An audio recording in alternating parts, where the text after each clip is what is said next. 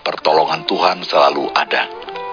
Saudaraku, kita percaya bahwa Tuhan adalah satu-satunya harapan kita bukan? Namun, kadang-kadang saudaraku, di saat kita sedang menghadapi masalah dan kita berharap sebenarnya Tuhan datang menolong kita, namun tidak jarang kita merasa kenapa Tuhan tidak tolong juga. Padahal bukankah saya sudah berharap kepadanya dan memohon kepadanya. Namun kenapa jawaban itu tidak pernah ada? Sehingga tidak jarang banyak anak Tuhan menjadi putus asa dan kecewa. Kenapa? Tuhan yang selalu ada tapi tidak pernah menolong, tidak pernah menjawab doa-doa saya. Hari ini saudaraku, saya ingin mengajak saudara, mari kita memahami dengan benar apa yang dimaksud dengan pertolongan Tuhan itu selalu ada dalam kitab Matius pasal 14 ayat yang ke-22 sampai 33 saya baca. Sesudah itu Yesus segera memerintahkan murid-muridnya naik ke perahu dan mendahulunya ke seberang. Sementara itu ia menyuruh orang banyak pulang dan setelah orang banyak itu disuruhnya pulang, Yesus naik ke atas bukit untuk berdoa seorang diri. Ketika hari sudah malam, ia sendirian di situ. Perahu murid-muridnya sudah beberapa mil jauhnya dari pantai dan diombang-ambingkan gelombang karena angin sakal. Kira-kira jam 3 malam datanglah Yesus kepada mereka berjalan di atas air. Ketika murid-muridnya melihat dia berjalan di atas air, mereka terkejut dan berseru, itu hantu, lalu berteriak-teriak karena takut. Tetapi segera Yesus berkata kepada mereka, Tenanglah, aku ini, jangan takut. Lalu Petrus berseru dan menjawab dia, Tuhan, apabila engkau itu, suruhlah aku datang kepadamu berjalan di atas air. Kata Yesus, datanglah. Maka Petrus turun dari perahu dan berjalan di atas air mendapatkan Yesus.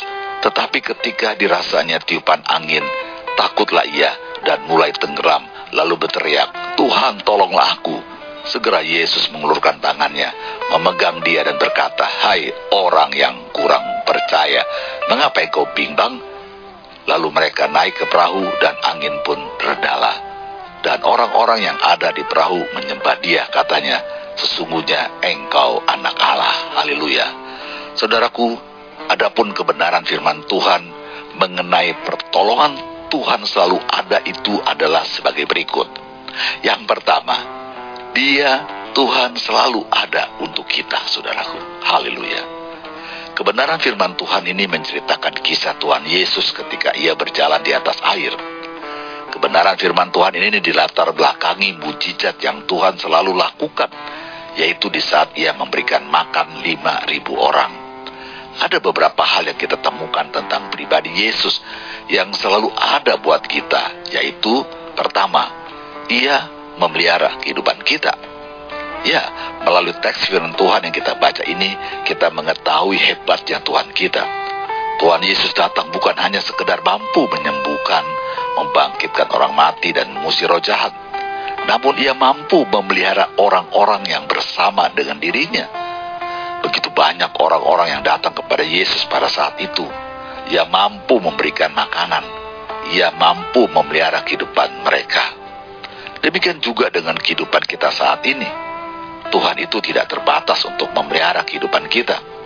Bahkan Tuhan tidak terbatas untuk menjangkau kita yang dalam keadaan susah, yaitu galau atau stres, gara-gara mungkin memikirkan masalah kehidupan ini. Ingat bahwa Tuhan itu selalu ada buat kita. Bahkan Tuhan itu sudah ada saat ini bersama-sama kita, yaitu diam di dalam diri kita. Haleluya. Dia ada dalam kehidupan kita. Dia memelihara kehidupan kita dan dia ada di dalam setiap kesusahan kita. Haleluya. Ketika Tuhan Yesus selesai menyuruh orang banyak itu pulang, namun ada satu masalah yang dihadapi oleh murid-murid Tuhan Yesus ketika mereka naik perahu dan jauh dari pantai. Ya, mereka sedang diombang-ambingkan gelombang karena angin sakal.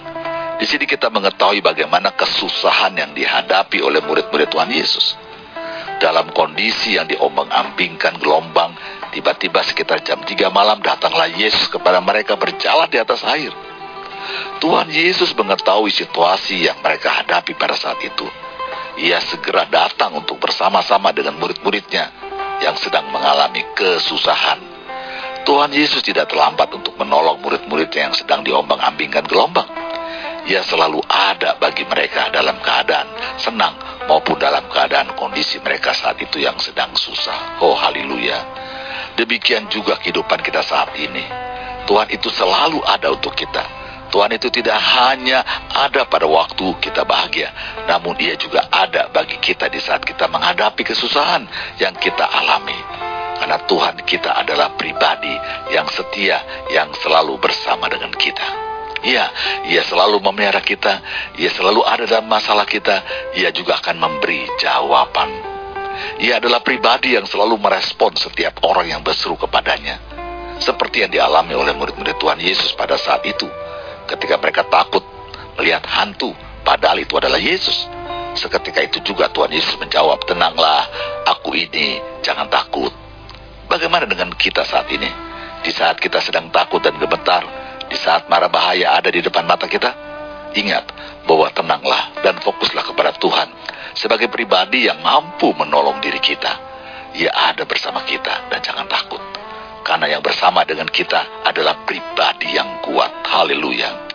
Saudaraku yang dikasih Tuhan, pertolongan Tuhan itu tidak pernah terlambat. Kita akui bahwa pertolongan Tuhan selalu ada dan tidak pernah terlambat untuk menolong kehidupan kita, bukan? Ada beberapa hal yang kita pelajari mengenai pertolongan Tuhan tidak pernah terlambat. Yaitu yang pertama, pas pada waktunya. Ya, ketika Petrus datang kepada Yesus, yaitu berjalan di atas air, tiba-tiba ia bimbang, menyebabkan dia tenggelam lalu berteriak, Tuhan tolonglah aku. Segeralah Yesus mengulurkan tangannya. Yesus berkata, hai kamu orang kurang percaya, mengapa engkau bimbang? Saudara, terkadang seperti itu kehidupan kita. Kita percaya bahwa Tuhan sanggup melakukan mujizat dalam kehidupan kita, sanggup mengubah kehidupan kita, sanggup menolong kita. Namun karena kondisi dan keadaan yang kita alami membuat kita bimbang akan kuasa Tuhan di dalam hidup kita. Tapi tangan Tuhan tidak kurang panjang menolong saudara dan saya. Melainkan tangannya mampu menjangkau kita di mana pun kita berada. Sebab Tuhan itu tidak terbatas. Hanya saja kita yang kurang percaya kepada dia. Haleluya. Saudaraku yang dikasih Tuhan. Tuhan menolong kita tepat pada waktunya. Pas waktunya. Dia akan langsung mengatasi. Pertolongan Tuhan itu tidak terlambat untuk menolong kita. Pertolongannya itu segera. Ia mengatasi pergumulan. Ia memberikan harapan. Dia memberikan cita-cita dalam hidupmu. Intinya adalah bagaimana respon kita kepada Tuhan. Apakah kita percaya atau tidak? Percaya itu bukan hanya di bibir saja, saudaraku. Namun percaya itu disertai perbuatan dan tindakan kita setiap apa yang kita lakukan. Percaya itu berserah atas kehendak Tuhan dan rencana Tuhan. Percaya itu bukan kehendak kita yang jadi, namun kehendaknya yang jadi. Apa pun keputusan Tuhan dalam hidup kita, jangan kita berkata Tuhan itu tidak baik, Tuhan tidak adil, Tuhan tidak sayang kepada saya. Rencana Tuhan yang Tuhan berikan dalam kehidupanmu adalah yang terbaik untuk kita. Karena hanya Tuhan yang tahu yang terbaik bagi kita. Bukan kita yang tahu, melainkan Tuhan yang tahu. Pada akhirnya saudaraku, pertolongan Tuhan itu tidak akan membiarkan anak-anaknya binasa. Ketika Petrus tenggelam, Tuhan tidak membiarkan saja. Melainkan Tuhan itu segera menolong. Karena Tuhan tidak mau Petrus binasa gara-gara imannya bimbang. Demikian juga dalam hidup kita, Tuhan sangat mengasihi kita. Karena dia adalah kasih dia sumber kasih itu. Tuhan tidak membiarkan kita manusia berdosa ini binasa karena kesalahan kita. Namun Tuhan memberikan solusi bagi kita, yaitu melalui pengorbanannya di atas kayu salib. Agar kita tidak binasa selama-lamanya karena kesalahan kita. Bersyukurlah kepada Tuhan atas kasih dan pertolongannya dalam kehidupan kita. Belajarlah puas yang Tuhan berikan kepada kita. Dan belajarlah bersyukur kepada Tuhan atas pertolongannya. Walaupun bagimu itu biasa-biasa saja. Namun bagi Tuhan itulah yang terbaik bagimu. Amin. Mari kita berdoa. Tuhan Yesus, Engkau memelihara kami.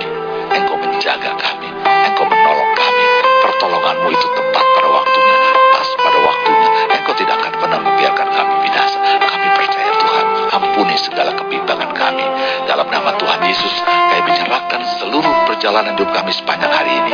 Tuhan menolong kami. Haleluya. Amin. Puji Tuhan, saudaraku, kita kembali boleh mendengarkan firman Tuhan pagi hari ini. Sampai jumpa esok hari. Tuhan Yesus memberkati saudara.